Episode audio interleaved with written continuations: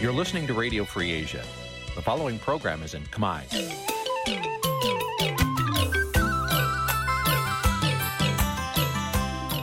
នេះជាកម្មវិធីផ្សាយ Vuthu Azizi Serai នេះជាកម្មវិធីផ្សាយរបស់ Vuthu Azizi Serai ជាភាសាខ្មែរ Vuthu Azizi Serai សូមស្វាគមន៍លោកអ្នកនាងទាំងអស់ពីរដ្ឋធានី Washington នៃសហរដ្ឋអាមេរិកចាប់ផ្សាយផ្ទាល់ពីរដ្ឋធានី Washington នាងខ្ញុំសុជីវីសូមជម្រាបសួរលោកអ្នកនាងអ្នកស្ដាប់ Vuthu Azizi Serai ទាំងអស់ជាទីមេត្រីយើងខ្ញុំសូមជូនការផ្សាយសម្រាប់យប់ថ្ងៃអាទិត្យ7រោចខែអាសត់ឆ្នាំថោះបញ្ញស័កពុរសករាជ2567ចាក់ដែលត្រូវនៅថ្ងៃទី5ខែវិច្ឆិកាគ្រិស្តសករាជ2023ជាដំបូងនេះសូមអញ្ជើញលោកអ្នកនាងស្ដាប់ព័ត៌មានប្រចាំថ្ងៃដែលមានមេតិការដូចតទៅ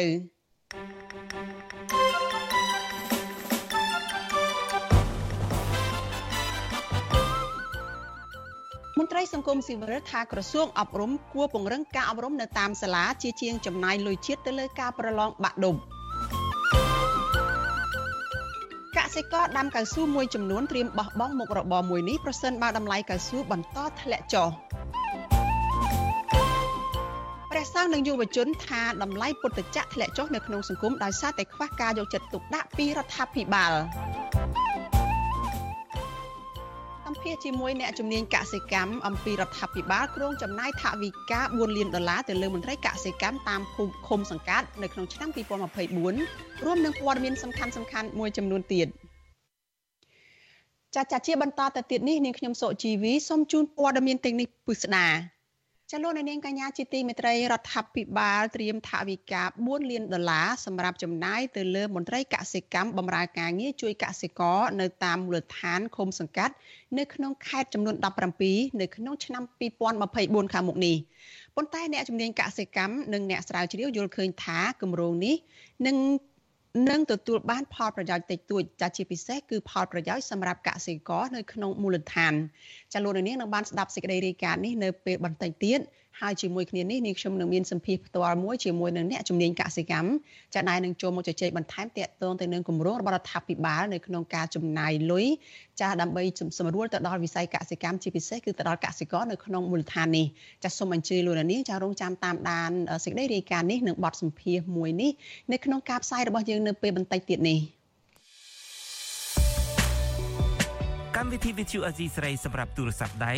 អាចឲ្យលោកអ្នកនាងអានអត្ថបទ ទស្សនាវីដេអូនិងស្ដាប់ការផ្សាយផ្ទាល់ដោយឥតគិតថ្លៃនិងដោយគ្មានការរំខាន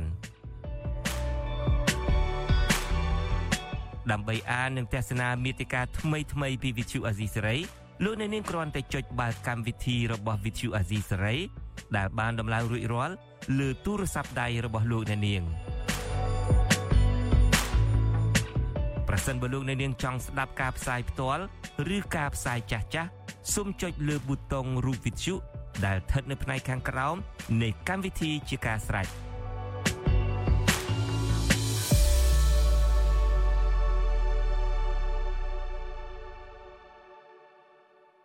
ប្រិយមិត្តជាទីមេត្រីលោកអ្នកកំពុងស្ដាប់វិទ្យុអាស៊ីសេរីចាប់ផ្សាយចេញពីរដ្ឋធានី Washington សហរដ្ឋអាមេរិក។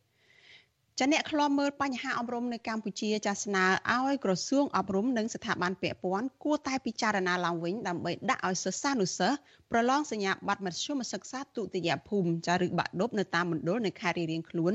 ដើម្បីកាត់បន្ថយការចំណាយថវិកាជាតិចាពួកគាត់សង្កេតឃើញថាការចំណាយថវិកាជាតិច្រើនទៅលើការប្រឡងនេះមិនមែនជាការពង្រឹងវិស័យអប់រំនៅកម្ពុជាឲ្យមានគុណភាពនោះឡើយ។ ចាសសូមស្ដាប់សេចក្តីរាយការណ៍របស់លោកជាតិចំណានអំពីរឿងនេះដូចតទៅស្របពេលដែលសល់តែមួយថ្ងៃទៀតតែប៉ុណ្ណោះដល់ថ្ងៃប្រឡងសញ្ញាបត្រមធ្យមសិក្សាទុតិយភូមិឬបាក់ឌុបឆ្នាំ2023យុវជននិងមន្ត្រីសង្គមស៊ីវិលស្នើឲ្យមានការរឹតបន្តឹងទៅលើការអនុវត្តច្បាប់និងពង្រឹងការអប់រំនៅតាមសាលាជាជាងចំណាយលុយជាតិទៅលើការប្រឡងបាក់ឌុបនេះសិស្សានុសិស្សសស្រាក់សស្រាមនាំគ្នាទៅពិនិត្យឈ្មោះនៅមជ្ឈមណ្ឌលប្រឡងដើម្បីត្រៀមប្រឡងនៅថ្ងៃទី6ខែវិច្ឆិកា ចំណែកឯសិស្សមួយចំនួនទៀតបានយកធូបទៀនផ្កាភ្ញីទៅបន់ស្រន់នៅទីកន្លែងសក្ការៈដែលពួកគេជឿថាអាចនឹងជួយឲ្យប្រឡងជាប់បេក្ខជនប្រឡងនៅមជ្ឈមណ្ឌលបឋមសិក្សាមុខនេះក្នុងខេត្តសៀមរាបកញ្ញាជៀនសុកណាប្រាប់វិទ្យុអេស៊ីស្រីនៅថ្ងៃទី5ខែវិច្ឆិកាថាកញ្ញាជ្រើសយកឋានៈសង្គមសម្រាប់ការប្រឡងដោយសង្ឃឹមថា50%នឹងប្រឡងជាប់កញ្ញាជំរុញឲ្យក្រសួងអប់រំពង្រឹងគុណភាពអប់រំដល់សិស្សចាប់តាំងពីថ្នាក់បឋមនិងផ្លាស់ប្តូរការប្រឡងទៅតាមស្រុកខេត្តវិញ ពីព្រោះមានសិស្សមួយចំនួនដែលពួកគេធ្វើដំណើរទៅប្រឡងតែងតែជួបគ្រោះថ្នាក់តាមផ្លូវ។ យើងមិនបដិសេធមិនឲ្យមានការប្រឡងដោយប្រទេសដែលគេរីចម្រើនទេប៉ុន្តែយើងគ្រាន់តែចង់ឲ្យមានការសម្រួលដល់ការប្រឡងទៅតាមមណ្ឌលនីមួយនីមួយហើយឲ្យសំខាន់គឺគុណភាពនៃការសិក្សាហ្នឹងយើងសង្ឃឹមថាវានឹងមានការពង្រឹងតាំងពីតូចរហូតដល់ពួកគាត់ធំពីព្រោះក្មេងហើយយុវជន គឺវាអាស្រ័យទៅលើសង្គមបរិបទសង្គមដែលបានផ្ដល់ឲ្យពួកគាត់នឹងហើយហើយបើសិនបើសង្គមមករត់ទន្ទឹងតែពេលណាដែលពួកគាត់ធំដឹងក្តីហើយចឹងវាពិបាកក្នុងការកែប្រែ វិសុវស៊ីស្រីមិនអាចតាក់ទងแนะនាំពាក្យក្រសួងអប់រំយុវជននិងកីឡាអ្នកស្រីខុនវិជ្ជការដើម្បីសុំការអធិប្បាយជុំវិញបញ្ហានេះបានទេនៅថ្ងៃទី5ខែវិច្ឆិកាប៉ុន្តែទំព័រ Facebook របស់ក្រសួងអប់រំយុវជននិងកីឡាកាលពីថ្ងៃទី4ខែវិច្ឆិកាបង្ហាញថា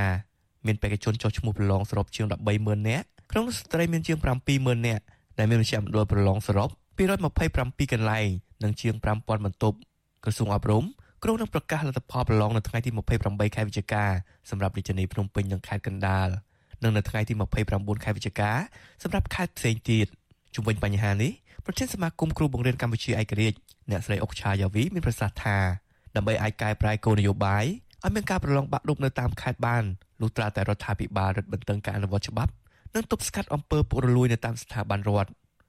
អ្នកស្រីបន្តថាសិស្សមួយចំនួន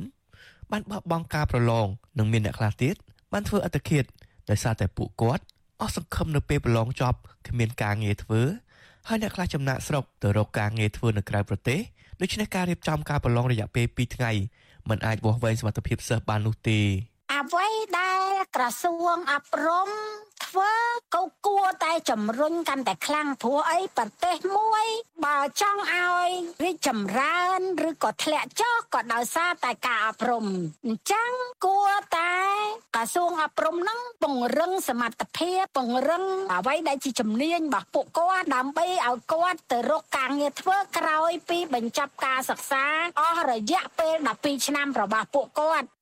ការប្រឡងសញ្ញាបត្រមធ្យមសិក្សាទុតិយភូមិឆ្នាំ2023នេះធ្វើឡើងរយៈពេល2ថ្ងៃគឺចាប់ពីថ្ងៃទី6ដល់ថ្ងៃទី7ខែវិច្ឆិកាការប្រឡងមាន2ថ្នាក់គឺថ្នាក់វិទ្យាសាស្ត្រពិតមានមុខវិជ្ជាដូចជាអក្សរសាស្ត្រខ្មែររូបវិទ្យាគីមីវិទ្យានិងថ្នាក់វិទ្យាសាស្ត្រសង្គមមានមុខវិជ្ជាដូចជាគណិតវិទ្យាភូមិវិទ្យាសិលធម៌និងពលរដ្ឋវិទ្យាជាដើមកាលពីឆ្នាំ2022មានបេក្ខជនបោះបង់ការប្រឡងរហូតដល់ទៅជាង2000នាក់ដោយសារតែបញ្ហាសុខភាពការបាក់ទឹកចិត្ត និងជីវភាពជាដើមដែលធ្វើឲ្យពួកគាត់បង្ខំចិត្តបោះបង់ការសិក្សាមន្ត្រីសង្គមស៊ីវិលលើកឡើងថាក្រសួងអប់រំគួរតែមានគោលនយោបាយជាក់លាក់ណាមួយដើម្បីឆ្លើយតបទៅនឹងបញ្ហាប្រឈមនិងគួរតែឲ្យមានការប្រឡងនៅតាមខេត្តដើម្បីកាត់បន្ថយការចំណាយថវិកាជាតិជាពិសេសបង្កើតឲ្យមានកម្មវិធីប្រកួតប្រជែងផ្សេងៗដើម្បីអាចឲ្យសិស្សប្រឡងជាប់ជាជាងមានតែការប្រឡងតែមួយមុខខ្ញុំបាទជាចំណាន Visual Society ប្រធានាទី Washington ចាលោកនាងកញ្ញាជាទីមេត្រីចាយើងងាកទៅព័ត៌មានតកតទៅនឹងការតវ៉ារបស់ក្រមកោតកោចាដែលជាអ្នកធ្វើការងារឲ្យក្រុមហ៊ុន Nagavel ឯណោះវិញចាក្រុមកោតកោ Nagavel ប្រមាណ30នាក់នៅថ្ងៃទី5ខែវិច្ឆិកានាំគ្នាស្លៀកពាក់ចាដោយយកសម្រាមមកតុបតែងខ្លួនដើម្បីជាសារដាស់តឿនដល់ថៅកែបនលបែងកាស៊ីណូ Nagavel ថាសំបីតែសម្រាមក៏មានតម្លៃអាចយកមកកែច្នៃដូច្នេះគួ រតែឈប់ចាត់ទុកពួកគេជាសម្រាប់បន្តទៅទៀតហើយងាកមកដោះស្រាយវិវាទការងារឲ្យកម្មករចក្រមកោតក្រ Nagavel នាំគ្នាកាន់បដាធ្វើពីផ្លាស្ទិកដបទឹកនិងទុយយោបឺតយកមកតម្រៀបគ្នាដោយមានខ្លឹមសារថាអយុត្តិធម៌និងអ្នកខ្លះទៀតតបតែងខ្លួនដោយយកសម្បកកេះមកធ្វើជាមួកពាក់និងសរសេរលើសម្បកកេះនោះថាទទួលយកតំណាងសហជីពសមាជិកសហជីពឲ្យចូលធ្វើការដោយដើមវិញ។ ចាក្រុមកុតកោ Nagavel កញ្ញាចាកុតកោ Nagavel មួយរូបចាគឺកញ្ញាប៊ូស្រីនាងប្រាប់វិទ្យុអាស៊ីសេរីនៅថ្ងៃទី5ខែវិច្ឆិកាថាសម្រាមដែលទុកយូរគឺមានក្លិនស្អុយដូច្នេះប្រសិនបើថៃកែ Nagavel នៅតែមិនព្រមដោះស្រាយវិវាទការងារឲ្យកម្មករទេ គឺប្រៀបដូចជាថៃកែ Nagavel ចាត់ទុកគេឈ្មោះថៃកែនេះឲ្យស្អុយរលួយដោយសម្រាមដូច្នោះដែរ។ ក្នុងការដែលគាត់ទុកពួកខ្ញុំចោលអត់ព្រមដោះស្រាយទុកចោលពួកខ្ញុំដូចជាសញ្ញានេះគឺវាធ្វើឲ្យថ្នាក់ដឹកនាំនៃប្រទេសមួយហ្នឹងគឺត្រូវបានគេរិះគន់គេកោតទោសបណ្ដាប្រទេសផ្សេងផ្សេងគេកោតទោសសូមឲ្យគាត់ហ្នឹងជួយមើលឃើញពួកខ្ញុំផងកុំចាត់ទុកពួកខ្ញុំដូចជាសម្រាមឲ្យគាត់ជួយដោះស្រាយសម្អាតពួកខ្ញុំឲ្យដូចជាសម្អាតសម្រាមមកព្រោះសម្រាមកាលណាទុកយូរគឺវាស្អុយរលួយ ចាវិទ្យុអាស៊ីសេរីមិនអាចតាក់ទងแนะនាំពាក្យក្រសួងការងារចាលោកកតាអូនដើម្បីសុំការបកស្រាយជុំវិញបញ្ហានេះបានទេនៅថ្ងៃទី5ខែវិច្ឆិកា បាទទោះបីជាក្រុមកុតកោ Nagawal ប្រឈមនឹងបញ្ហាជីវភាពសុខភាពនិងរងការចោទប្រកាន់ធ្ងន់ធ្ងរពីសំណាក់អាជ្ញាធរនិងអតីតនាយករដ្ឋមន្ត្រីលោកហ៊ុនសែនថាជាក្រុមថាជាក្រុមប្រឆាំងស៊ីឈ្នួលបំរើបរទេសនិងចង់ផ្ដួលរំលំរដ្ឋាភិបាលយ៉ាងណាក្តីក៏ពួកគាត់នៅតែប្រកាន់ជំហរតវ៉ាទាមទាររហូតដល់ថៃកែ Nagawal ព្រមដោះស្រាយវិវាទការងារជូនពួកគេគាត់និយាយថា គាត់គិតតែពីរឿងសុខទុក្ខប្រជាពលរដ្ឋដោះស្រាយជូនប្រជាពលរដ្ឋយើងមើលអត់ឃើញថាគាត់ដោះស្រាយត្រង់កន្លែងណាទីមួយទៀតច្បាស់មែនតើនៅចិត្តផ្ទះគាត់ហ្នឹង Nagavel មកដល់សប្ងៃហ្នឹងអត់ទាន់មានដំណោះស្រាយជូនអឺបុគ្គលិកផងហ្នឹងហើយចឹងគាត់ថាគាត់យកចិត្តទុកដាក់នឹងពលរដ្ឋមិនអាហ្នឹងយើងមើលឃើញទាំងអស់គ្នាបងប្អូនដែលកំពុងតាមដានទស្សនា podcast នេះដឹងថាគាត់ដោះស្រាយនៅរាប់ឆ្នាំគាត់អត់ទាន់បានដោះស្រាយទេហើយហ្នឹងជាចំណុចតូចមួយទេ ហើយនៅបញ្ហាច្រើនទៀតបញ្ហាដីធ្លីបញ្ហាទឹកលិចប្រចាំថ្ងៃខ្ញុំឃើញវីដេអូរបស់បងបងអាស៊ីសេរីធ្វើច្រើនមែនតើពាក់ព័ន្ធនឹងរឿងការរស់នៅរបស់ពលរដ្ឋហ្នឹងសិតតែបញ្ហាហើយប្រទេសយើងតូចប្រជាពលរដ្ឋប៉ុណ្ណឹងបើសិនជាមានមេដឹកនាំល្អយើងអភិវឌ្ឍលឿនមែនតើតែដោយសារគាត់គាត់ចេះចេះតែនិយាយហើយអត់អនុវត្តណាទៅពេលអញ្ចឹងទៅវាអត់មានទៅងើបពីសង្គ្រាមណាអឺប៊ុនរងតែ40ឆ្នាំជឿថាទៅងើបពីសង្គ្រាមបានឯទៅទេ អាហ្នឹងគឺទស្សនៈដែលអន់ខ្សោយហ៎បងព្រោះអីអ្នកដែលចេះដឹងអ្នកដែលបានរៀនសូត្រតែគេរៀនសូត្រចេះដឹងឬមួយក៏គេមកក្រៅប្រទេសបន្តិចគេអត់ដែរយកខ្លួនគេទៅប្រៀបនឹងចំណុចសូត្រនេះគេប្រៀបខ្លួនគេពីម្សិលមិញ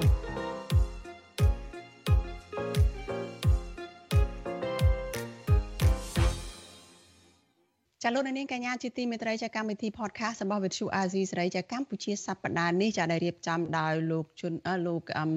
សេចបណ្ឌិតហើយនៅលោកយ៉ងច័ន្ទតារានេះចាបានផ្សព្វផ្សាយរួចហើយនៅលើប្រព័ន្ធ podcast មួយចំនួន កាលពីព្រឹកថ្ងៃសៅរ៍ម្សិលមិញនេះចាមកនៅកម្ពុជា ហើយ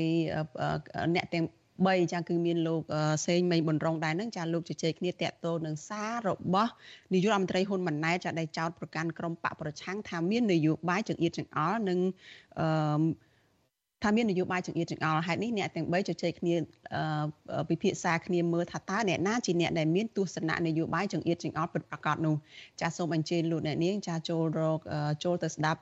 podcast របស់វិទ្យុអាស៊ីសេរីចាប្រសិនបើលោកអ្នកនាងមិនបានស្ដាប់នៅឡើយទេនោះចាសូមអញ្ជើញលោកអ្នកនាងចាវាយពាក្យថាកម្ពុជាសប្តាហ៍នេះនៅក្នុងប្រអប់ស្វែងរកនៅលើបណ្ដាញ podcast មួយចំនួនចាដូចជា Google Podcast ចាអឺ Spotify ហើយនឹង ចា Apple Podcast ជាដើមចាលោកអ្នកនាងនឹងអាចចូលទៅស្ដាប់កម្មវិធីនេះបានហើយចាប្រសិនបើលោកអ្នកនាងចាចង់ស្ដាប់ការផ្សាយឡើងវិញចារបស់កម្មវិធី Podcast វិទ្យុអាស៊ីសេរីនេះចាសូមអញ្ជើញលោកអ្នកនាងចារងចាំទស្សនានៅក្នុងកម្មវិធីផ្សាយព័ត៌មានប្រចាំថ្ងៃរបស់វិទ្យុអាស៊ីសេរីចានៅរៀងរាល់យប់ថ្ងៃច័ន្ទចាយើងនឹងចាក់ផ្សាយឡើងវិញចាចាសូមអរគុណ ចលនានាងកញ្ញាជាទីមេត្រីចាងាកព័ត៌មានងាកទៅព័ត៌មានតកតងនឹងកសិករវិញចាគឺតកតងនឹងអ្នកដាំកៅស៊ូចាកសិករដែលដាំកៅស៊ូថាពួកគាត់នឹងបោះបង់មុខរបរដាំកៅស៊ូប្រសិនបរដ្ឋាភិបាលនៅតែមិនអាចរកទីផ្សារឲ្យពួកគាត់បានប្រសើរជាងនេះចាកសិករបញ្ជាក់ថាតម្លៃបច្ចុប្បន្នរបស់កៅស៊ូនេះគឺមិនអាចធ្វើពួកគាត់រកប្រាក់ចំណូលផ្គត់ផ្គង់គ្រួសារបានទេ ចាអ្នកជំនាញកសិកម្មនិងមន្ត្រីសង្គមស៊ីវិលស្នើដល់រដ្ឋាភិបាលឲ្យដាក់ចេញនូវគោលនយោបាយជាក់លាក់ដើម្បីដោះស្រាយបញ្ហានេះហើយរដ្ឋាភិបាលក៏គួរតែបើកលំហប្រជាធិបតេយ្យចាដើម្បីអាចឲ្យកម្ពុជាមានទីផ្សារកាន់តែទូលំទូលាយដោយអាចនាំចេញកៅស៊ូទៅលក់នៅសហភាពអឺរ៉ុបចាលោកនៅវណ្ណរិនមានសេចក្តីរាយការណ៍អំពីរឿងនេះកសិករដាំកៅស៊ូស្នើឲ្យរដ្ឋាភិបាលរកទីផ្សារដំណាំកៅស៊ូក្រៅពីប្រទេសវៀតណាម និងកំណត់តម្លៃកៅស៊ូដើម្បីឲ្យពួកគាត់បានទទួលផលចំណេញបានប្រាក់ដោះស្រាយជីវភាពគ្រួសារកសិករដាំកៅស៊ូនៅស្រុកដំបែលោកសួនតែន លើកឡើងថាក្នុងរយៈពេលជិត2ឆ្នាំមកនេះតម្លៃជ័រកៅស៊ូមានតម្លៃចន្លោះពី1500រៀលទៅ2000រៀលដែលធ្វើឲ្យកសិករមួយចំនួនបានកាប់ដើមកៅស៊ូចោលដើម្បីយកដីដាំដំណាំផ្សេងផ្សេងវិញ។ លោកសួនតែន បន្ថែមថាប្រសិនបើតម្លៃកៅស៊ូនៅតែនៅក្រោម2000រៀលបន្តទៀតលោកនឹងបោះបង់មុខរបរកៅស៊ូនេះជាក់ជាមិនខានបើតម្លៃប៉ុណ្ណឹងទៀតអត់តាមទេបងខ្ញុំតាមអីស្ទេចហ្នឹងព្រោះតម្លៃប៉ុណ្ណឹងយើងទៅរួចយើងចំណាយយកឆ្នាំជីច្រើនវាទៅប៉ុណ្ណឹងវាទៅរួចហ្នឹងអាយើងចំណាយប៉ុន្តែដូចយើងតាមកូនអញ្ចឹងចំណាយអស់ច្រើនកូនថ្លៃហើយយើងចំណាយពេលថែទាំមកទៀតអស់វាអស់ច្រើន លោកសួនតែនបន្ថែមថាតម្លៃកៅស៊ូដែលកសិករចង់បាននោះគឺតម្លៃយ៉ាងហោចណាស់2500រៀលក៏ប៉ុន្តែលោកថាតម្លៃនេះមិនអាចទៅរួចនោះទេប្រសិនបើរដ្ឋាភិបាលមិនកែច្នៃជ័រកៅស៊ូឬនាំចេញទៅទីផ្សារក្រៅប្រទេសក្រៅពីប្រទេសវៀតណាមនោះចំណែកកសិករដាំកៅស៊ូម្នាក់ទៀតនៅក្នុងស្រុកមេមត់គឺលោកស្រីឆៃវិតលើកឡើងថាដើម្បីអាចប្រមូលផលកៅស៊ូបាន កសិករចំណាយពេលដាំ និងថែយ៉ាងហោចណាស់6ឆ្នាំលោកស្រីឆៃវិតថាគ្រួសាររបស់លោកស្រីទើបបានប្រមូលផលរយៈពេល3ឆ្នាំតែប៉ុណ្ណោះក៏ប៉ុន្តែតម្លៃជ័រកៅស៊ូបានធ្លាក់ចុះហើយទីផ្សារកៅស៊ូក៏ពឹងតែប្រទេសវៀតណាមតែមួយគត់លោកឆៃវិតស្នើដល់រដ្ឋាភិបាលរកទីផ្សារនាំចេញផលិតផលជ័រកៅស៊ូឲ្យបានតម្លៃយ៉ាងហោចណាស់2500រៀលព្រោះលោកស្រីឆៃវិតថាសម្រាប់តម្លៃបច្ចុប្បន្ននេះ មិនត្រឹមតែកសិករមិនចំណេញទេ គឺជាតម្លៃខាតសម្រាប់កសិករខណៈកសិករមួយចំនួន បានបោះបង់ចំការកៅស៊ូចោលរួចហើយកាលពីគូនេះជឿឡើងបាន2007 2008អីអានោះល្មមយើងអាចទិញអីហូបបានឥឡូវនេះជឿថោកយ៉ាងហើយជឿអ្នកតិចតិចយ៉ាងមានបានលេងហូបទៅព្រោះហើយចូលមកសំទៅថ្លៃហូបពេលក្រិនហ្មងអ្នកជឿតិចតិចគិតមកយើងបើយ៉ាងពេលលក់យ៉ាងទាំងអស់គ្នាយើងក៏រត់ទីផ្សារគ្នាមានលក់យូនរស់ពឹងទាំងហើមគេ កាលពីថ្ងៃទី31ខែធ្នូឆ្នាំ2020កន្លងទៅ សហភាពអឺរ៉ុបបានចេញនូវច្បាប់មួយគោលបំណងហាម5ការនាំចូលទំនិញចំនួន5ប្រភេទដូចជាគោក្របី កាកាវកាហ្វេដូងប្រេងកៅស៊ូសណ្ដែកនិងឈើក្នុងករណីដែលទំនិញទាំងនោះមកពីប្រទេសដទៃដែលកាប់បំផ្លាញព្រៃឈើរបាយការណ៍នៃអង្គការឃ្លាំមើលសិទ្ធិមនុស្សលីកាដូក្នុងឆ្នាំ2023 បង្ហាញថារដ្ឋាភិបាលកម្ពុជាបានផ្ដល់ដីសម្បត្តិចំនួន7.1លានហិកតាឬ158កន្លែងដើម្បីដាំកៅស៊ូហើយស្ទើរតែពាក់កណ្ដាលនៃម្ចាស់ក្រុមហ៊ុន គឺជាជនជាតិចិននិងវៀតណាមដែលទទួលបានដីសម្បត្តិជាង400,000ហិកតា ក្នុងដីសម្បត្តិទាំងនោះគឺកាត់ចេញពីតំបន់ការពារធនធានធម្មជាតិដែលជាមូលហេតុធ្វើឲ្យបាត់បង់គម្របព្រៃឈើ នាយកទទួលបន្ទុកកិច្ចការទូតនៃអង្គការឃ្លាំមើលសិទ្ធិមនុស្សលីកាដូលោកអំសំអាត លើកឡើងថាគោលការណ៍របស់សហភាពអឺរ៉ុបតែងតែផ្ដោតជាអាទិភាពទៅលើការគោរពសិទ្ធិមនុស្សឬការការពារធនធានធម្មជាតិលោកអំសំអាតបន្ថែមថានៅពេលដែលទំនិញឬផលិតផលកៅស៊ូរបស់ប្រទេសកម្ពុជាជាប់ពាក់ព័ន្ធទៅនឹងការរំលោភសិទ្ធិមនុស្សឬការកាប់បំផ្លាញព្រៃឈើនោះសហភាពអឺរ៉ុបនឹងបន្តកាត់ពន្ធ ឬមិននាំចូលទំនិញទាំងនោះហើយពលរដ្ឋជាអ្នករងផលប៉ះពាល់ទាំងនេះហើយទី2គឺលក្ខខណ្ឌរបស់សហគមន៍អឺរ៉ុបនៅក្នុងការនាំចូលហើយខ្ញុំលើកចឹងថាបញ្ហាតំណែងមួយចំនួនដែលវាពាក់ព័ន្ធជាមួយនឹងបញ្ហាលោភសិទ្ធិមនុស្សដីធ្លីអីហ្នឹងអាហ្នឹងគឺវាមានការកាត់បន្ថយអាហ្នឹងក៏ធ្វើឲ្យប៉ះពាល់ដែរបាទអញ្ចឹងវាមានការគូបផ្សំគ្នាអញ្ចឹងអ្វីដែលសំខាន់គឺចង់ឃើញកម្ពុជាយើងហ្នឹងគឺធ្វើយ៉ាងម៉េច គោរពទៅតាមគោលការណ៍នៃសិទ្ធិមនុស្សវិទ្យុអាស៊ីសេរីមិនអាចតាក់ទងแนะនាំពាក្យក្រសួងកសិកម្មកញ្ញាអឹមរចនានិងអគ្គនាយកនៃអគ្គនាយកដ្ឋានកៅស៊ូលោកហឹមអូនបាននៅឡើយនោះទេនៅថ្ងៃទី4ខែវិច្ឆិកាទោះជាយ៉ាងណា លោកហឹមអូនបានប្រាប់សារព័ត៌មានកម្ពុជានមីថាច្បាប់ថ្មីរបស់សហភាពអឺរ៉ុបមិនបានធ្វើឲ្យប៉ះពាល់ដល់ការដាំដុះនិងផលិតកម្មកៅស៊ូរបស់កម្ពុជានោះទេ ដោយសារតែច្បាប់ថ្មីនេះត្រូវបង្កើតឡើងនៅក្រោយឆ្នាំ2020ខណៈរដ្ឋាភិបាលកម្ពុជា បានផ្អាកផ្ដាល់ដីសម្បត្តិសេដ្ឋកិច្ចសម្រាប់ដាំកៅស៊ូចាប់តាំងពីមុនឆ្នាំ2020មកម្លេះជុំវិញរឿងនេះអ្នកជំនាញកសិកម្មលោកនីណាក់លើកឡើងថាក្រសួងកសិកម្មនិងមន្ទីរកសិកម្មនៅតាមបណ្ដាខេត្តនានាគួរចេញមុខធ្វើការឲ្យសកម្មជាងនេះ គឺត្រូវជួយទាំងពីបច្ចេកទេសដាំដុះរហូតដល់រកទីផ្សារនាំចេញផលិតផលជ័រកៅស៊ូនៅក្រៅប្រទេសក្រៅពីប្រទេសវៀតណាមលោកនីណាក់បន្ថែមថារដ្ឋាភិបាល គួរកំណត់យកនៅតម្លៃជាក់លាក់ណាមួយ ដែលកសិករអាចរកប្រាក់ចំណេញហើយលោកក៏សម្គាល់ថាកន្លងមកនេះមានឈ្មួញខិលខូចខົບខិតជាមួយមន្ត្រីកំណត់តម្លៃតាមចិត្តនិងហាមមិនឲ្យក្រុមហ៊ុនដតីទៀតប្រកួតប្រជែងទិញកសិផលពីកសិករទៀតផង។ ពួកគាត់មិនបានយកចិត្តទុកដាក់ក្នុងការបំពេញការងាររបស់គាត់ដើម្បីជួយវិស័យកសិកម្មជាពិសេសកៅស៊ូហ្នឹងគឺគាត់អត់បានធ្វើអីក្រៅតែពីទគ្រាន់តែយកតួលេខកសិករមកផ្សាយប៉ុន្តែបញ្ហាដែលកសិករកំពុងជួបប្រឈមហ្នឹងគឺតម្លៃទីផ្សារហ្នឹងគឺគាត់អត់បានដោះស្រាយទេបើគាត់មានលទ្ធភាពធ្វើទីមួយគឺគាត់ទុកចាស់ការកំណត់ថ្លៃរបស់ឈ្មួញដែលយើងទិញពីកសិករយកទៅលក់ឲ្យវៀតណាមហ្នឹងគឺគាត់អាចកំណត់ថ្លៃបាន ជ័រកៅស៊ូនឹងការផលិតផលិតផលធ្វើពីជ័រកៅស៊ូរបស់កម្ពុជា បាននាំចេញទៅទីផ្សារសហភាពអឺរ៉ុបចន្លោះពី1500តោនទៅ3000តោនតែប៉ុណ្ណោះខណៈជ័រកៅស៊ូកម្ពុជាភាគច្រើនបាននាំចេញទៅទីផ្សារអាស៊ីដូចជាប្រទេសចិនវៀតណាមម៉ាឡេស៊ីសិង្ហបុរីនិងប្រទេសជប៉ុនជាដើមខ្ញុំបាទនៅវណ្ណរិន With Chu Azizi Saray ពីរដ្ឋធានី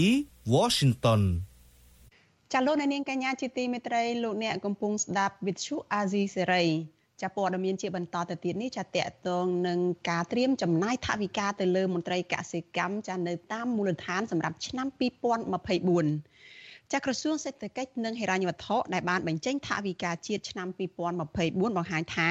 ក្រសួងបានត្រៀមថវិកាចំនួន16.9ប៊ីលានរៀលចាដែលស្មើនឹង4លានដុល្លារសម្រាប់ផ្គត់ផ្គង់ទៅលើមន្ត្រីកសិកម្ម ចុះបម្រើការងារនៅតាមមូលដ្ឋានឃុំសង្កាត់ចាស់នេះបើតាមការចេញផ្សាយរបស់ក្រសួងកាលពីចុងខែតុលាឆ្នាំ2023នេះចាស់នៅលើគេហទំព័រផ្លូវការរបស់ក្រសួង ការចំណាយទាំងនេះគឺដើម្បីជួយលើកកម្ពស់ផលិតភាពផលិតកម្មនិងជួយទៅដល់ជីវភាពកសិករនៅតាមទីជនបទកសិករម្នាក់នៅឯស្រុកប្រណិតព្រះខេត្តបន្ទាយមានជ័យលោកលឿងរ៉ាប្រាប់វិទ្យុអាស៊ីសេរីនៅថ្ងៃទី5ខែវិច្ឆិកាថា លោកសាទរនឹងគម្រោងផ្នែកកសិកម្មរបស់រដ្ឋាភិបាលប៉ុន្តែលោកនិងកសិករផ្សេងទៀតក៏នឹងរងចាំមើលប្រសិទ្ធភាពការងាររបស់មន្ត្រីទាំងអស់នោះសិនពីព្រោះកន្លងមកថ្នាក់ដឹកនាំបានតែសន្យា តែមិនទាន់ឃើញលទ្ធផលអ្វីជាដុំកំភួនឡើយបាទឯងខ្ញុំចង់នឹងជួយចង់សំណួរដល់គ្រួសារលើទាំងអស់ជួយចុះតម្លៃប្រេងតម្លៃជីតម្លៃឆ្នាំ សម្រាប់ជាពលរដ្ឋខ្ញុំបានបានអត់យ៉ាងណាយ៉ាងណីចាស់ស្រដៀងគ្នានេះដែរអ្នកសម្របសម្រួលសហគមន៍កសិករនៅឯស្រុករមាសហៃខេត្តស្វាយរៀងចាលោកស្រីខៀវសរុនលើកឡើងដែរថានៅពេលនេះកសិករជាច្រើនកំពុងជាប់នៅក្នុងបំណុលធ្ងន់ធ្ងរដោយសារតែការខាត់បងនៅលើវិស័យកសិកម្មពីព្រោះតម្លៃកសិផលបានធ្លាក់ចុះជាបន្តបន្ទាប់ លើតាគ្រូលើខាងភូមិគេជ្រើសរើសយកមន្ត្រីកសិកម្មដាក់ចុះតាមជនបទដែរហើយតើតងនឹងមន្ត្រីនឹងដូចជាបើតាមអ្វីដែលមើលឃើញខ្ញុំគិតថាវាមិនទាន់ល្អសម្រាប់ពួកខ្ញុំប្រហែលទេគ្រូប៉ុន្តែសង្ឃឹមថានៅពេលដែលពួកគាត់ចុះមកដល់សហគមន៍ពួកគាត់នឹងយកបញ្ហាប្រជាពលរដ្ឋជាធំ ចាកាលពីថ្ងៃទី31ខែតុលាក្រសួងមុខងារសាធារណៈបានប្រកាសពីការប្រឡងជ្រើសរើសមន្ត្រីកសិកម្មចំនួន250នាក់ត្រៀមចុះជួយដល់កសិករនៅតាមបណ្ដាខេត្តចំនួន17ដើម្បីបង្រៀនបច្ចេកទេសដល់កសិករនៅតាមទីជនបទក្រសួងមុខងារសាធារណៈក៏បានកំណត់ប្រាក់បៀវត្សប្រចាំខែសម្រាប់មន្ត្រីកសិកម្មនៅតាមមូលដ្ឋាន ចាប់ពី1លាន4សែនរៀលចាប់ទៅ1លាន6សែនរៀលផងដែរ។ វិទ្យុអាស៊ីសេរីនៅមិនទាន់អាចតាក់ទងแนะនាំពាក្យក្រសួងកសិកម្មលោកស្រីអឹមរចនាដើម្បីសុំការអធិប្បាយជុំវិញបញ្ហានេះបានទេនៅថ្ងៃទី5ខែវិច្ឆិកានេះដោយទូរស័ព្ទចូលច្រើនដងតែគ្មានអ្នកលើកជុំវិញរឿងនេះអ្នកស្រាវជ្រាវពីការអភិវឌ្ឍសង្គមចាលោកបណ្ឌិតមាសនេះយល់ឃើញថាការដាក់មន្ត្រីកសិកម្មនៅតាមទីជនបទនេះអាចបានផលប្រយោជន៍តិចតួចប្រសិនបរដ្ឋាភិបាលមិនបានដោះស្រាយបញ្ហាធំធំរបស់កសិករ លោកបន្ថែមថាបញ្ហារបស់កសិករទាំងនោះគឺការលក់បានតម្លៃថ្លៃដើម្បីឲ្យគាត់អាចរកប្រាក់ចំណូលលើកកម្ពស់ជីវភាពគ្រួសាររបស់កសិករបានប៉ុន្តែតម្លៃកសិផលបច្ចុប្បន្ននេះគឺកំពុងតែជួបបញ្ហា ហើយធ្វើឲ្យកសិករចាប់ពិបាកនៅក្នុងជីវភាព និងជំពាក់បំណុលធ្ងន់ធ្ងរពាក់ព័ន្ធទៅនឹងទីផ្សារដែលធ្វើឲ្យវាអត់មានតម្លៃមានអីខ្ពស់ដែលអាចចំណេញបាន ហើយនឹងការប្រើប្រាស់ហៅថាសម្ភារៈប្រើប្រាស់ផ្សេងផ្សេងវាឡើងថ្លៃណាបាទมันអាចយកគ្រាន់តែបញ្ជូនមន្ត្រីកសិកម្មទៅតាមឃុំមួយមួយហើយអាចនឹងមានដំណោះស្រាយទៅលើវិស័យកសិកម្មហ្នឹងគឺมันអាចទៅរួចទេបាទប៉ុន្តែដូចខ្ញុំបានជម្រាបជូនហ្នឹងមិនមែនថាវាមិនបានប្រយោជន៍សោះប៉ុន្តែមួយជ្រុងតូចតែប៉ុណ្ណោះបាទ ចាចំណែកប្រធានសមាគមសម្ព័ន្ធកសិសហគមន៍កសិករកម្ពុជាចាលោកថេងសាវឿនមើលឃើញថាការចំណាយនេះនៅមានកម្រិតទាបនៅឡើយហើយប្រសិទ្ធភាពក៏អាចនឹងទាបដែរចំពោះមន្ត្រីកសិកម្មនៅតាមឃុំសង្កាត់នោះចាលោកជំរុញឲ្យរដ្ឋាភិបាលចាប្រើប្រាស់ឆន្ទៈពិតប្រាកដជួយទៅដល់កសិករនៅបច្ចេកទេសនិងតម្រូវការផ្សេងទៀតរបស់ពលរដ្ឋនៅក្នុងសហគមន៍ តម្រូវការរបស់កសិករនិងខ្សែកសិកម្មកត្តាបច្ចេកទេសមិនមែនជាបញ្ហាចោលទេសម្រាប់ប្រជាពលរដ្ឋយើងក៏ប៉ុន្តែយន្តការនៃការផ្ដល់ព័ត៌មានយន្តការនៃការផ្ដល់នៅលំហព័ត៌មានអំពីយុទ្ធសាស្ត្រវិធីសាស្ត្រនិងនិន្នាការតម្រូវការរបស់ពិភពលោកក៏ដូចជាក្រុមហ៊ុនវិស័យឯកជនក្នុងប្រទេសកម្ពុជាឬក៏ពិភពលោកនៃការនាំចេញឬតម្រូវការវិស័យកសិកម្មគឺជាយន្តការមួយដែលត្រូវតែផ្សព្វផ្សាយហើយនឹង ត្រូវការមនុស្សដើម្បីចូលរួមចំណែកទៅលើវិស័យនេះចារដ្ឋាភិបាលបានប្រកាសជ្រើសរើសមន្ត្រីកសិកម្មនៅឆ្នាំ2023ចាដើម្បីទៅធ្វើការនៅតាមខេត្តមួយចំនួនដូចខេត្តចំនួន17ចាក្នុងនោះរួមមានខេត្តតាកែវកំពង់ស្ពឺកំពង់ធំសៀមរាបខេត្តបន្ទាយមានជ័យកំពង់ចាមចាកំពង់ឆ្នាំងបាត់ដំបងកំពតពោធិ៍សាត់ព្រៃវែងព្រះវិហារ ត្បូងឃ្មុំស្វាយរៀងឧត្តរមានជ័យកណ្ដាលនិងមណ្ឌលគិរីចាស់សម្រាប់ឆ្នាំ2024ខាងមុខរដ្ឋាភិបាលនឹងជ្រើសរើសមន្ត្រីកសិកម្មចាស់ចំនួន800នាក់និងឆ្នាំ2025ចំនួន550នាក់ចាលោកនាងកញ្ញាជាទីមេត្រីចាតកតនៅរឿងនេះចាក្រុមការងាររបស់វិទ្យុអាស៊ីសេរីបច្ចុប្បន្នភ្ជាប់ប្រព័ន្ធវីដេអូ Skype ចាទៅអ្នកជំនាញកសិកម្មចាលោកនីណាចាដើម្បីឲ្យលោកអាចចូលមកជជែកបន្ថែមតកតនៅរឿងនេះ ចាសូមជម្រាបសួរលោកនីណាពីចម្ងាយចាបាទជម្រាបសួរលោកស្រីសុធីវីបាទចាលោកនីណាចាមុននឹងចូលជជែកទៅដល់រឿងកសិកម្មរឿងផែនការសម្រាប់ឆ្នាំ2024ចាការបង្កើតឲ្យមានក្រុមអ្នកជំនាញកសិកម្មទៅតាមមូលដ្ឋានភូមិឃុំសង្កាត់នេះចាសូមសួរសុខទុក្ខលោកនីណាផងចាំមកដល់ពេលនេះនឹងស្ថានភាពសុខភាពនឹងយ៉ាងណាទៅហើយហើយ មានព័ត៌មានឬក៏មានជាលទ្ធផលអីពីការស៊ើបអង្កេតរបស់អាជ្ញាធរក្នុងការស្វែងរកជនដែលដល់ដែលបានវាធ្វើបាបលោកនីណានោះយ៉ាងណាដែរទេចា៎បាទសូមគោរពជំរាបសួរប្រិយមិត្តវិទ្យុអស៊ីសេរីហើយសុខភាពរបស់ខ្ញុំគឺបានធូរស្រាលច្រើនហើយហើយនៅតែឈឺលើកដៃស្ដាំនេះដែលមិនតាន់អាចកាន់វត្ថុធ្ងន់បានហើយនឹងចុងក្រោយនេះខ្ញុំទៅពេទ្យបញ្ហា មាត់ធ្មេញក៏វាប៉ះខ្លាំងដែរនៅពេលដែលគេវាយឥឡូវមិនតាន់អីបានធូរស្រាលនៅលើមាត់ធ្មេញនេះឡើយទេប៉ុន្តែស្នាមរបួសនៅលើក្បាលនៅលើដងខ្លួនឯងផ្សេងៗបានជាអស់ហើយគាត់ទៅវាឡើងឈឺនៅលើកន្លែងស្នាមរបួសហ្នឹងហើយតកតងទៅនឹងដំណឹងពីអាជ្ញាធរពីសមត្ថកិច្ចគឺអត់មានទេនៅក្នុងថ្ងៃនេះថ្ងៃចុងក្រោយនេះគឺតែតែស្ងាត់ជានិច្ចហើយខ្ញុំក៏មិនបានទៅតាមដានទៅតកតងខាងសមត្ថកិច្ចដើម្បីចង់ដឹងបន្ថែមដែរដោយសារថា ខ្ញុំមិនមានសង្ឃឹមអីទៅលើការស្រាវជ្រាវទេមកដល់ពេលនេះគឺវាលើសរយៈពេលលើសពី1ខែទៅហើយចា៎អញ្ចឹងអឺលោកនីណានឹងទុកឲ្យរឿងក្តីនឹងទៅតាមដំណើរដូចជារឿងក្តីផ្សេងផ្សេងពីករណីវាយធ្វើបាបនឹងអញ្ចឹងដែរបាទបាទគឺខ្ញុំទុកឲ្យខាងសមត្ថកិច្ចបន្តធ្វើការទៅចុះហើយនឹងសង្ឃឹមថាក្រុមអង្គការសង្គមស៊ីវិលក៏ដូចជា អ្នកខាងក្រៅរដ្ឋាភិបាលនៅបន្តតាមដានទៅលើរឿងនេះបន្តទៀតសម្រាប់ខ្ញុំអត់មានលទ្ធភាពអីក្រៅតែពីការអំពាវនាវទៅកាន់សមត្ថកិច្ចក៏ដូចជាអ្នកពាក់ព័ន្ធនឹងឲ្យបន្តនីតិវិធីឲ្យបានឆាប់រហ័សក្នុងការស្វែងរកយុទ្ធធម៌ជូនខ្ញុំបាទក៏ដូចជាជនរងគ្រោះដទៃទៀតដែលមានគ្រោះថ្នាក់ប្រហាក់ប្រហែលនឹងខ្ញុំដែរបាទចា៎ លោកនីណាយើងដឹងទាំងអស់គ្នាថាករណីវាយធ្វើបាបលោកនីណានេះគឺជាករណីបើកឆាកដំបូងចានៅក្នុង ការឡើងកាន់អំណាចរបស់លោកហ៊ុនម៉ាណែតចាមកបន្តតំណែងបន្តតួនាទីជានាយករដ្ឋមន្ត្រីនេះបន្តពីឪពុករបស់លោកគឺលោកហ៊ុនសែនចាប៉ុន្តែមកដល់ពេលនេះចារយៈពេល1ខែកន្លងផុតទៅហើយដោយលោកនីណាបានលើកឡើងចឹងចាគ្មានក្តីសង្ឃឹមពីរឿងអឺការរកឃើញយុត្តិធម៌ឬក៏ចាប់ជនដៃដល់មកផ្ដន់ទាបទោសដើម្បីឲ្យ ទី1ហ្នឹងគឺអ្នកដែលរងគ្រោះចាដោយលោកនីណានេះបានស្ងប់អារម្មណ៍ផងថាមានយុត្តិធម៌សម្រាប់ខ្លួនមិនមែនមនុស្សសុទ្ធតែអាចវាយធ្វើបាបបានសាច់តែនឹងចិត្តទេចាហើយមួយទៀតហ្នឹងក៏ជាការដែលធ្វើឲ្យសង្គមទាំងមូលហ្នឹងស្ងប់ចិត្តដែរនៅពេលដែលពួកគាត់រស់នៅក្នុងសង្គមគាត់ត្រូវការបញ្ចេញមតិគាត់ត្រូវការរិះគន់ឬក៏ជួយទៅដល់ការកែប្រែសង្គមអីហ្នឹង ក៏គាត់អាចមានអារម្មណ៍ថាសុវត្ថិភាពនៅពេលដែលពួកគាត់បញ្ចេញមតិចាស់គ្មានការវាយដំគ្មានការធ្វើបាបដែរប៉ុន្តែតើនៅពេលដែលករណីនេះមកដល់ពេលនេះហើយនឹងតើលោកនីណានៅមើលឃើញយ៉ាងម៉េចតើប្រវត្តិសាស្ត្រច្រំដែលទេរឿងរ៉ាវអយុត្តិធម៌នឹងបន្តកើតមានទៅទៀតនៅក្នុងដំណាក់កាលនៃការដឹកនាំរបស់លោកហ៊ុនម៉ាណែតនឹងដែរដោយតែអ្វីដែលកើតមាននៅក្នុងដំណាក់កាលនៃការដឹកនាំរបស់លោកហ៊ុនសែននឹងដែរទេចា៎ បាទជាការយល់ឃើញរបស់ខ្ញុំខ្ញុំមើលឃើញថាមិនចំពោះថារដ្ឋាភិបាលថ្មីអាណត្តិទី7ដែលដឹកនាំដោយ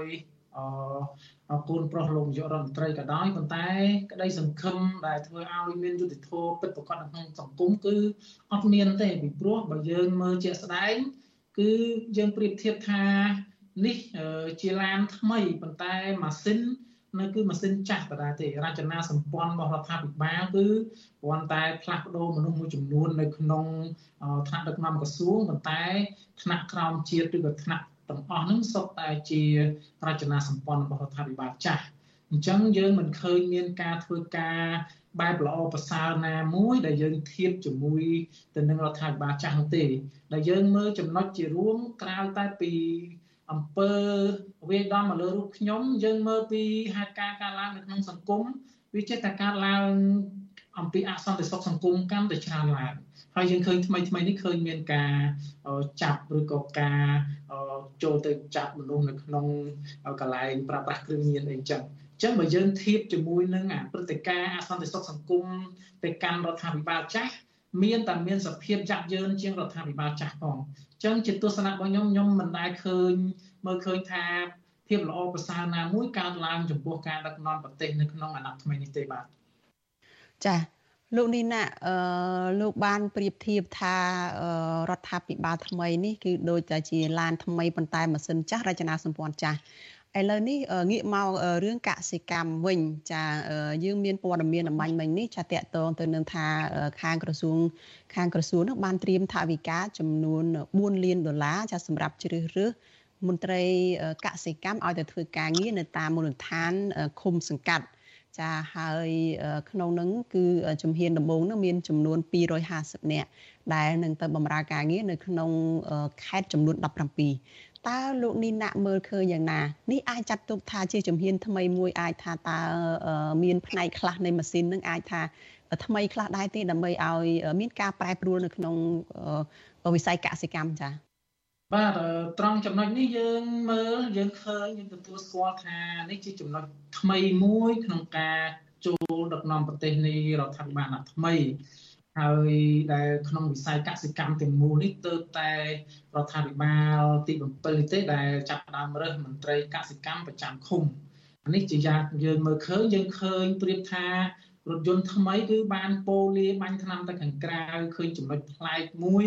ប៉ុន្តែនៅខាងក្នុងគឺយើងអត់តាន់ឃើញមានអីប្រសើរឡើងទេដែលយើងមើលឃើញបែបហ្នឹងដោយសារថា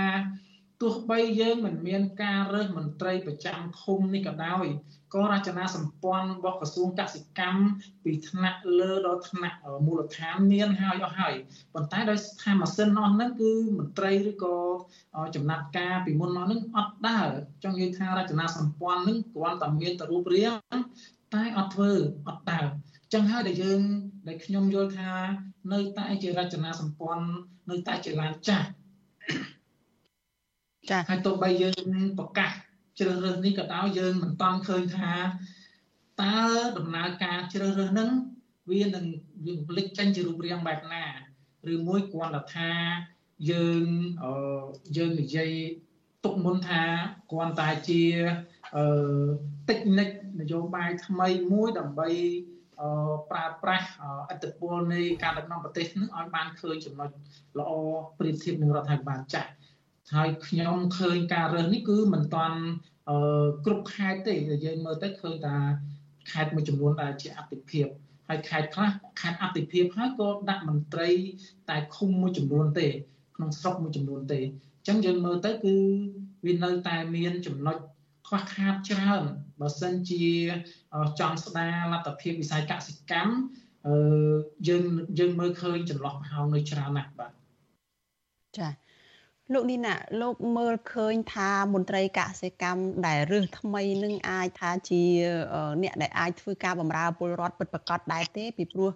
កន្លងមកនឹងក្រសួងកសិកម្មខ្លួនឯងនឹងចាំបានប្រើប្រាស់បណ្ដាញរបស់ខ្លួនគឺមន្ត្រីនៅតាមខេត្តតាមស្រុកហ្នឹងគឺអឺ មិនបានផ្ដល់ជាប្រយោជន៍ទៅដល់ពលរដ្ឋនឹងបានច្រើនទេប៉ុន្តែមានរឿងមួយដែលយើងកត់សម្គាល់នោះគឺការបិទព័ត៌មានទៅវិញឧទាហរណ៍ដូចជានៅពេលដែលពលរដ្ឋនិយាយអំពីរឿងស្រូវធ្លាក់ចុះដំណាំស្វាយផ្លែស្វាយមានតម្លៃថោក ក្រសួងកសិកម្មបែរជាប្រើមន្ត្រីរបស់ខ្លួននឹងដើម្បីបំបិតព័ត៌មាននឹងហើយគម្រាមកំហែងប្រជាពលរដ្ឋទៅទៀតចានេះខ្ញុំនៅចាំថាមានករណីរឿងការចាប់ខ្លួនប្រជាពលរដ្ឋដែលនិយាយអំពីផ្លែមៀនធ្លាក់ថ្លៃចាការរករឿងកសិករនៅឯខេត្តកណ្ដាលចាតកតងនឹងពួកគាត់បានបំផ្លាញស្ពៃនិងសន្លឹករបស់ពួកគាត់នៅក្នុងចំការនៅពេលដែលมันមានតម្លៃសមរម្យសម្រាប់ពួកគាត់នឹងគឺព័ត៌មានទាំងអស់នឹងមិនត្រឹមតែ អាជ្ញាធររដ្ឋាភិបាលនឹង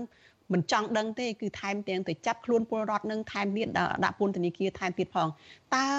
រឿងនេះអាចមានរឿងហេតុបែបនេះកើតឡើងទេនៅពេលដែលមានមន្ត្រីទៅមូលដ្ឋាននឹងគឺកាន់តែងាយស្រួលនៅក្នុងការដែលបំបិតព័ត៌មានឬក៏អាចនិយាយបានថាប្រមានឬក៏ធ្វើបាបពលរដ្ឋឬក៏កសិករមិនឲ្យគាត់បញ្ចេញព័ត៌មានតាក់ទងនឹងផលប៉ះពាល់ឬក៏ជាការទុកលំបាករបស់ពួកគាត់ដើម្បីបញ្ចេញទៅដល់សាធារណជនឬក៏ទៅដល់ថ្នាក់លើអីអញ្ចឹងចា៎ បាទខ្ញុំមិនហ៊ានសន្និដ្ឋានទេដោយសារថាមន្ត្រីខ្លះក៏គាត់មានចំណុចល្អមន្ត្រីខ្លះក៏គាត់ឆ្លៀតឱកាសចឹងទៅប៉ុន្តែដោយផ្អែកទៅលើបទពិសោធន៍ដែលខាងវិស័យកសិកម្មធ្លាប់ប្រើប្រាស់រូបភាពនឹងទៅលើកសិករខ្ញុំជឿថាមន្ត្រីដែលរើសច្រើននេះចាប់ផ្ដើមឡើងពី250នាក់នេះ នឹងមាននឹងមានភាគរយហើយណាស់ក៏10ទៅ20%ជាមន្ត្រីអសកម្ម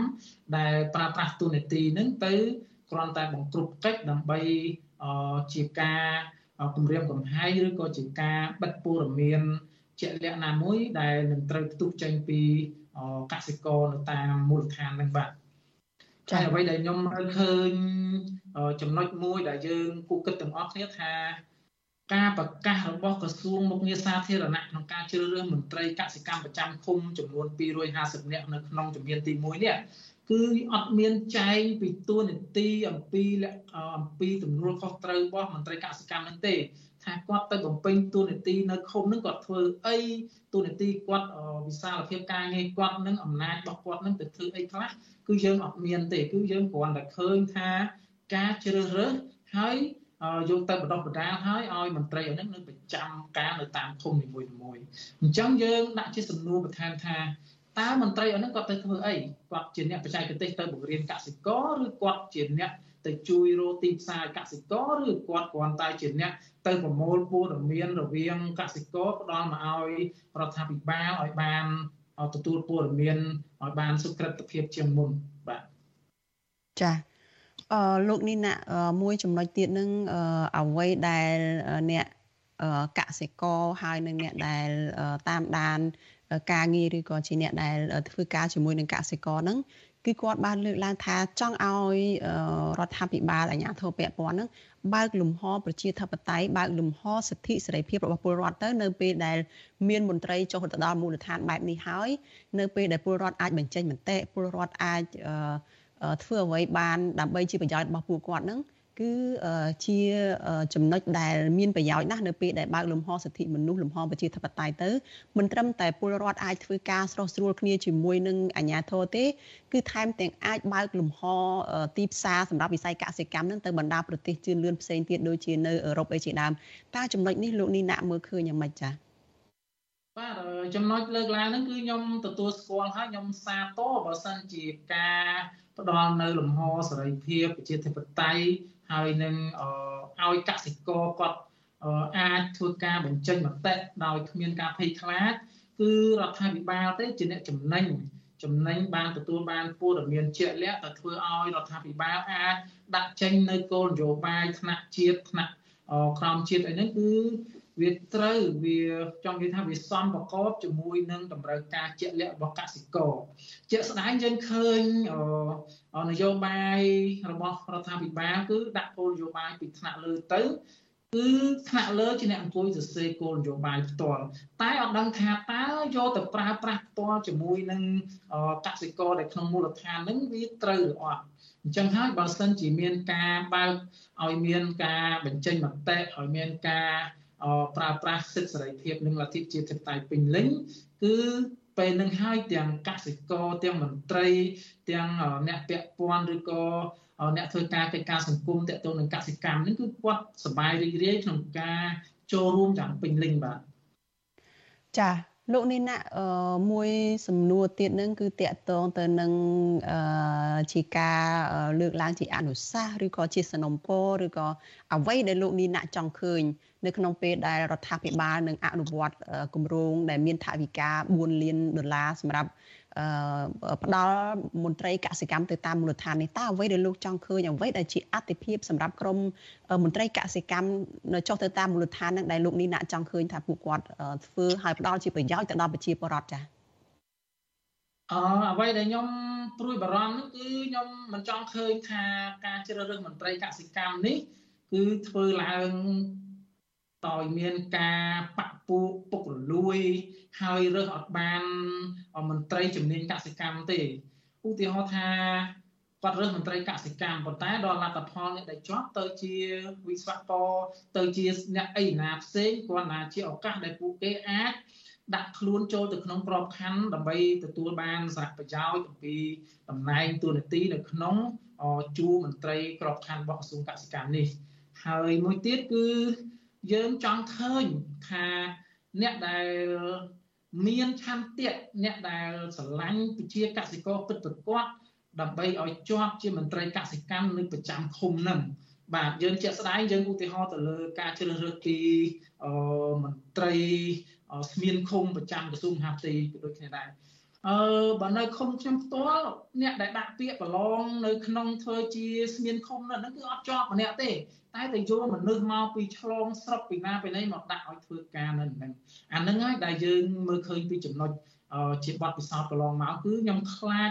ការរើសមន្ត្រីកសិកម្មនេះធ្វើឡើងគ្រាន់តែដើម្បីចាយលុយជាតិដើម្បីជារូបភាពនៃការបិទបាំងអំពើពុករលួយតែប៉ុណ្ណឹងទេបាទ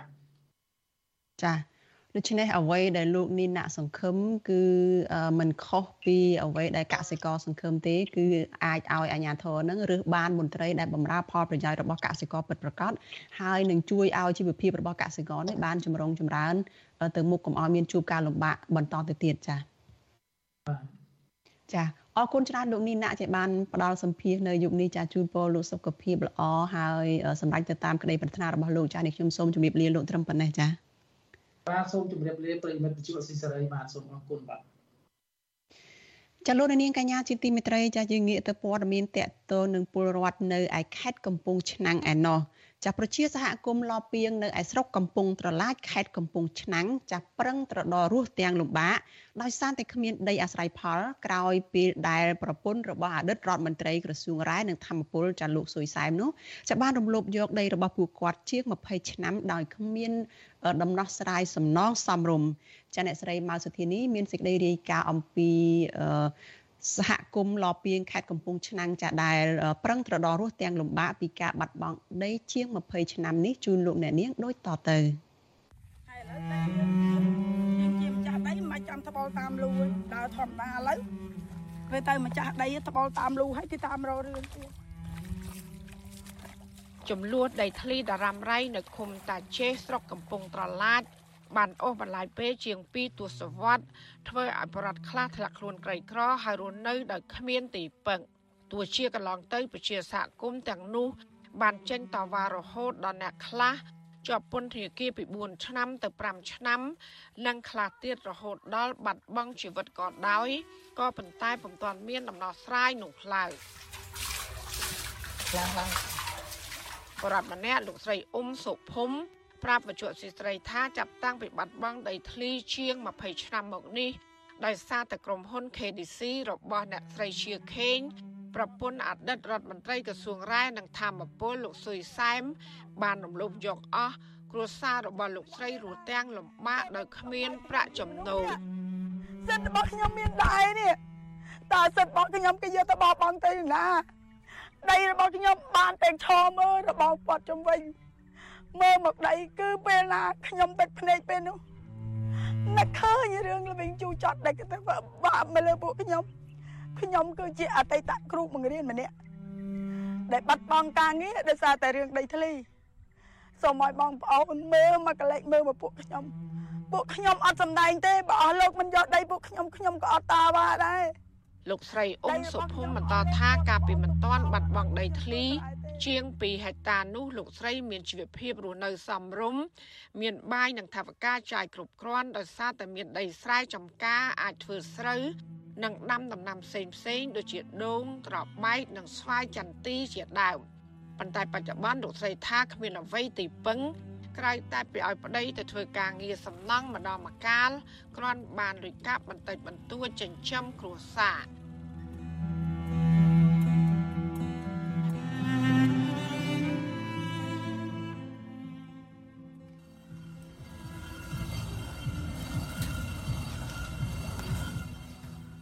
ប្រដ្ឋម្នាក់ទៀតលោកស្រីសួនញេងលើកឡើង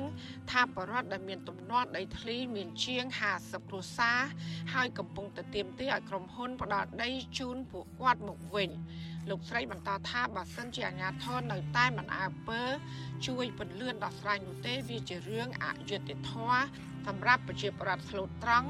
ខណៈបច្ចុប្បន្នដោយសារតែបាត់បង់ដីធ្លីនេះបរដ្ឋភៀសច្រើនធ្វើចំណាក់ស្រុកទៅប្រទេសថៃស្ទើរតែស្ងាត់ភូមិអាញាធរឬក៏ក្រុមហ៊ុនអីចឹងណាគាត់អត់មានមើលឃើញ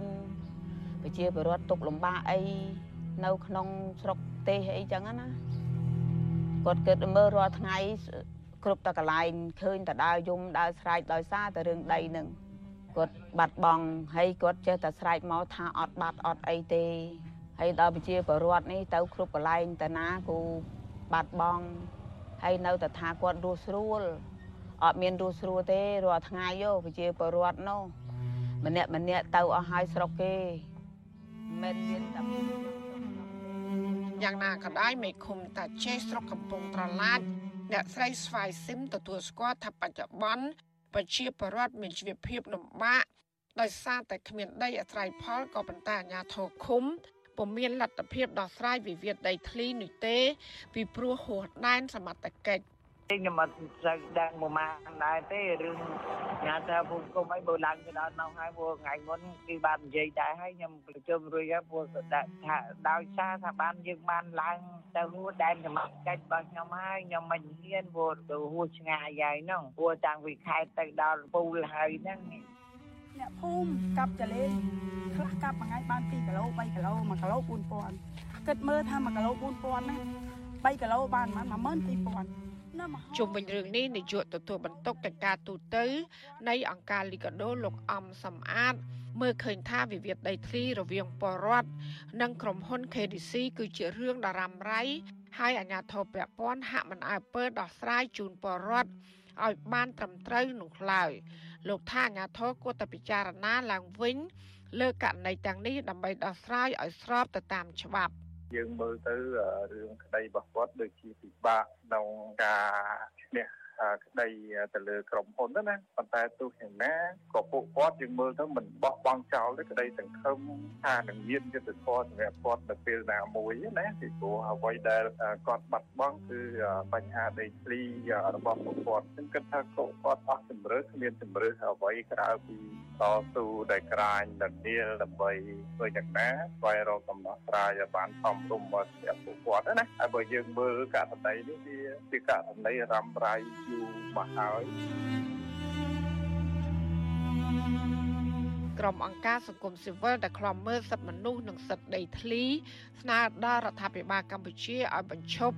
ការរំលោភយកដីធ្លីប្រជាពលរដ្ឋដែលអាស្រ័យផលចិញ្ចឹមជីវិត និងពន្លឿនដំណោះស្រាយបញ្ចប់វិវាទដីធ្លីឲ្យមានប្រសិទ្ធភាពដើម្បីផ្ដល់លំនឹងដល់ជីវភាពរស់នៅរបស់ពលរដ្ឋទូទាំងប្រទេស និងដើម្បីកាត់បន្ថយការធ្វើចំណាក់ស្រុកតទៅទៀតចាននាងខ្ញុំម៉ៅសុធានីវិទ្យុអាស៊ីស្រីប្រធានាធិបតី Washington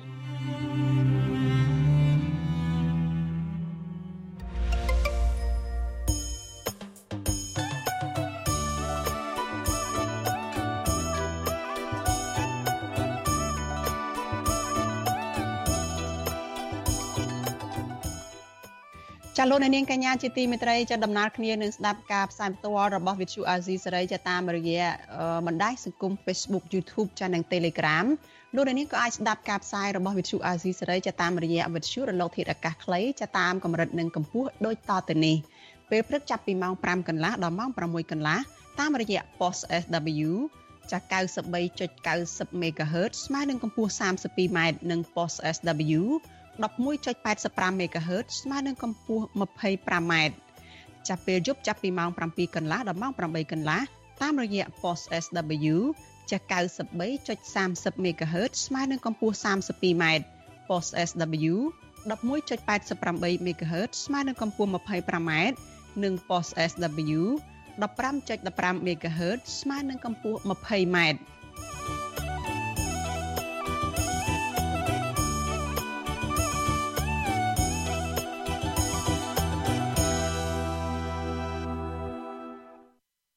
លោកអ្នកនាងកញ្ញាជាទីមេត្រីចាយើងងាកទៅព័ត៌មានដាច់ដライមួយទៀតចាក្រមសន្តិសុខនៅឯបូរីពិភពថ្មីនៅក្នុងខណ្ឌសែនសុខ2ចាបានរៀបរៀងពលរដ្ឋប្រមាណ30នាក់ចាមិនអោយពួកគាត់តវ៉ារកដំណោះស្រាយពីថៅកែបូរីពិភពថ្មីខណៈពួកគាត់ប្រឈមនឹងការរឹបអូសផ្ទះនិងជំពាក់បំណុលវាន់ក មន្ត្រីអង្គការសង្គមស៊ីវិលចាស់យល់ឃើញថាអាញាធរពពាន់គួរតែចុះទៅអន្តរាគមនិងរកដំណោះស្រាយជូនពលរដ្ឋប្រសើរជាឲ្យម្ចាស់បរិយរឹបអូសទ្រព្យសម្បត្តិរបស់ពួកគាត់ចាពីរដ្ឋធានី Washington លោកសេកបណ្ឌិតរាយការណ៍អំពីរឿងនេះកម្លាំងសន្តិសុខបរិយពិភពថ្មីចំនួន20នាក់បានដេញអតិថិជន ដែលទិញផ្ទះពីបរិយពិភពថ្មី នៅខណ្ឌកំបូលរាជធានីភ្នំពេញមិនឲ្យតវ៉ានិងចោទអតិថិជនទាំងអស់នោះថា ចង់កេងចំណេញប្រាក់ពីម្ចាស់ក្រុមហ៊ុនពិភពថ្មី គឺអ្នកអុកញ៉ាហុងពីវក្រុមអតិថិជនទាំងនោះ បានកាន់ឯកសារនិងប្លង់ផ្ទះយកមកលក់ឲ្យបរិយពិភពថ្មី នៅទីស្នាក់ការធំខណ្ឌសែនសុខ2ចិត្តផ្សារទំនើបអ៊ីអន2ដែលសុកចិត្តលក់ខាត50%លោកស្រីញឹមសុខៀងប្រាប់បទសុអសីសេរី នៅថ្ងៃទី4តុលាថាគោលបំណងដែលលោកស្រីមកតវ៉ាគឺដើម្បី ទៀមទាឲ្យម្ចាស់បរិយពិភពថ្មីចេញមុខដោះស្រាយនិងទទួលទិញផ្ទះ50%ត្រឡប់ទៅវិញពីព្រោះលោកស្រីអស់លទ្ធភាពក្នុងការបង់រំលោះហើយលោកស្រីបន្តថាតំណាងម្ចាស់បរិយពិភពថ្មី បានគម្រាមកំហែងនិងធ្វើទុកបុកម្នេញលោកស្រីឲ្យរើចេញពីផ្ទះនោះជាបន្ទាន់ប្រសិនបើគ្មានប្រាក់បង់រំលោះនោះទេមិនត្រឹមតែប៉ុណ្ណោះថែមទាំងយកឡានស្ទូចស្លាកលេខផ្ទះលោកស្រីចេញដើម្បីបំបិតភ័ស្តុតាង។ផ្ទះរឹបអូន ហ្នឹងគឺគាត់ជិះមានសំណង50%មកខ្ញុំវិញមកបានហើយខ្ញុំអត់មានទៀមទីអីទេហើយមិនត្រូវយកឡានស្ទូចមកស្ទូចផ្លាកខ្ញុំប្រវត្តិផោះតាងហើយបិទទ្វារផ្ទះខ្ញុំស្ប៉ានទេព្រោះផ្ទះហ្នឹងខ្ញុំអត់បានសញ្ញាបកលទេគឺគេយកសន្តិសុខមកដាក់ហើយគេបិទទ្វារផ្ទះខ្ញុំទៀតដើម្បីឲ្យខ្ញុំហ្នឹងផ្ដុតមេដៃបកលឲ្យគេនេះគាត់មិនត្រឹមតែមានសំណងឯងគាត់ប្រកាសទិញចូល50%ប៉ុន្តែពេលដែលខ្ញុំមកដល់ខាងបរិយគាត់អត់មានដំណោះស្រាយឲ្យពួកខ្ញុំអ្នករឹបអូសផងស្រដៀងគ្នានេះដែរអតិថិជនទិញផ្ទះក្នុងបរិយពិភពថ្មីម្នាក់ទៀត គឺលោកម៉ងម៉ាសាខកចិត្តដែលតំណាងផ្ទះបរិយពិភពថ្មី ថាបាត់ទិន្នន័យឈ្មោះរបស់លោក ដែលបានបង់រំលោះផ្ទះនិងរកលេសមិនចង់ទូទាត់ប្រាក់សំណងឲ្យលោកវិញលោកបន្តថាលោកបានបង់រំលោះផ្ទះអស់លុយជិត30000ដុល្លារដោយសារតែគ្មានលទ្ធភាពបង់លោកបានលក់ឲ្យខាងបរិយវិញប៉ុន្តែប្រាក់ដែលទទួលបាន ត្រឹមតែជាង3000ដុល្លារប៉ុណ្ណោះដែលខុសនឹងលក្ខខណ្ឌទទួលទិញ50% ការទៀមទារបស់អតិថិជនបូរីពិភពថ្មី នៅកម្ពូល3ចាប់ផ្ដើមឡើង កាលពីថ្ងៃទី18ខែតុលា បន្ទាប់ពីពួកគាត់លែងមានលទ្ធភាពបង់រំលោះផ្ទះដោយសារបញ្ហាជីវភាពខ្វះខាតខណៈពួកគាត់មួយចំនួនកំពុងប្រឈមនឹងការរឹបអូសផ្ទះទៅវិញរីឯមួយចំនួនទៀតត្រូវបានបរិយរឹបអូសយកផ្ទះជាស្ថាពរហើយពលរដ្ឋដែលបានទិញផ្ទះពីបរិយពិភពថ្មី មានតម្លៃចន្លោះពីជាង50000ដុល្លារ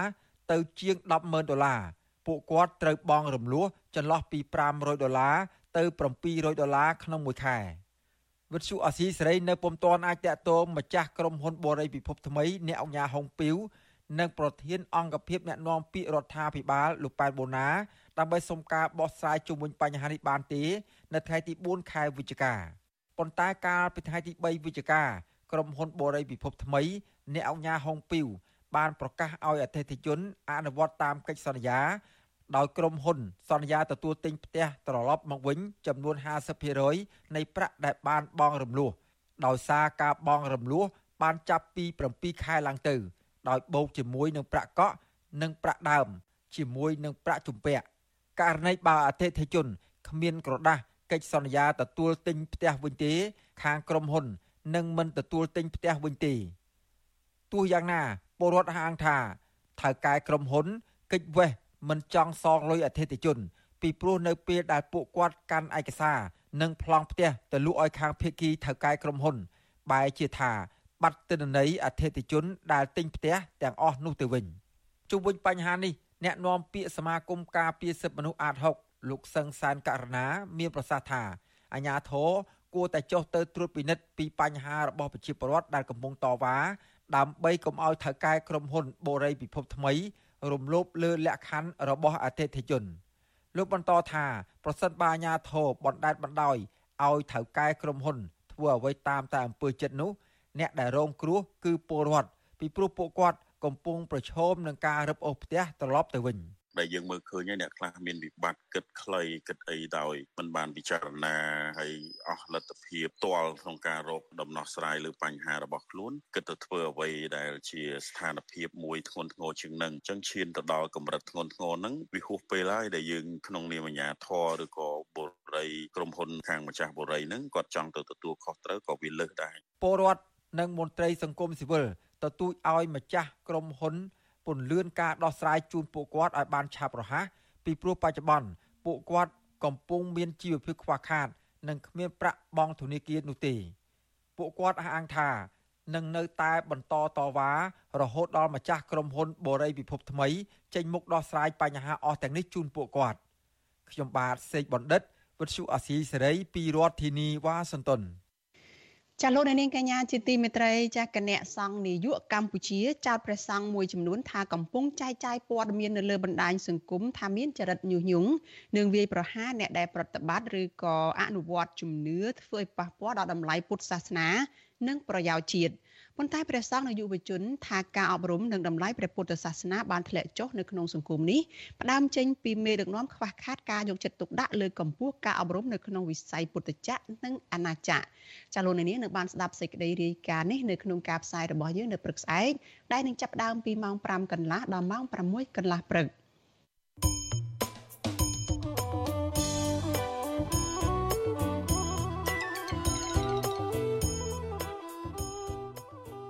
ចាលោកនាងកញ្ញាជាទីមេត្រីចាខាងវិទ្យុអាស៊ីសេរីយើងចាប់បានទទួលសំណូមពរពីអ្នកស្ដាប់និងអ្នកទស្សនារបស់យើងច្រើនណាស់ចាថាកុំឲ្យយើងនឹងដាក់ចំណងជើងឲ្យខុសពីខ្លឹមសារនៃព័ត៌មានចាឧទាហរណ៍ដូចជាដាក់ចំណងជើងថា Vivo ហើយលោកហ៊ុនសែនត្រូវតុលាការព្រហ្មទណ្ឌអន្តរជាតិ ICC យកទៅកាត់ទោសជាដើមក៏ប៉ុន្តែនៅពេលដែលពួកគេចុចចូលទៅមើលឬក៏ទៅស្ដាប់គឺมันមានព័ត៌មានទាំងនោះឡើយ។ ចាយើងខ្ញុំសូមជម្រាបជូនថាការដាក់ចំណងជើងដែលខុសពីខ្លឹមសារដើមទាំងនេះគឺជាការបោកប្រាស់របស់ក្រុមអ្នកដែលរកស៊ីតាម YouTube ដើម្បីរកលុយតែប៉ុណ្ណោះចាពួកគេលួចយកខ្លឹមសារនៃការផ្សាយរបស់វិទ្យុអាស៊ីសេរីចារួចយកទៅកាត់តហើយដាក់ចំណងជើងទៅតាមរបៀបប្លែកប្លែកហួសហេតុខុសពីការពិតនៅក្នុងគោលបំណងចាតាក់ទាញចិត្តលោកអ្នកនាង ចាឲ្យទៅចុចស្ដាប់ចុចទស្សនា ហើយដើម្បីដើម្បីបានចំនួនអ្នកទស្សនាឬក៏ចំនួន view នោះច្រើនតែប៉ុណ្ណោះចានៅពេលដែលមានអ្នកចុចស្ដាប់មានអ្នកចុចទស្សនាច្រើនចាពួកគេក៏អាចរកលុយទៅតាមការបោកប្រាស់របស់ពួកគេនោះបានកាន់តែច្រើនផងដែរចាវិទ្យុអាស៊ីសេរីចាំមិនដែលដាក់ចំណងជើងឲ្យខុសពីការពិតខុសពីខ្លឹមសារនៃព័ត៌មានទេ ចាលោកនាងកញ្ញាអាចចូលរួមទប់ស្កាត់ចាការបោកប្រាស់តាមអនឡាញចាតាមបណ្ដាញសង្គម YouTube នេះបានដោយលោកអ្នកនាងចាកុំចុចស្ដាប់ព័ត៌មានទាំងឡាយណាដែលមានចំណងជើងចាខុសប្លែកហួសហេតុខ្លាំងចាហើយជាពិសេសទៅទៀតហ្នឹងចាដើម្បីបានស្ដាប់ព័ត៌មានពិតរបស់វិទ្យុអាស៊ីសេរីចាសូមលោកនាងចូលទៅកាន់ទំព័រ Facebook ផ្លូវការរបស់វិទ្យុអាស៊ីសេរីចាដែលជា Channel របស់វិទ្យុអាស៊ីសេរីតែម្ដងនោះចាគឺតាមរយៈអាស័យដ្ឋាន www.youtube.com/rfa ខ្មែរចាសសូមអរគុណច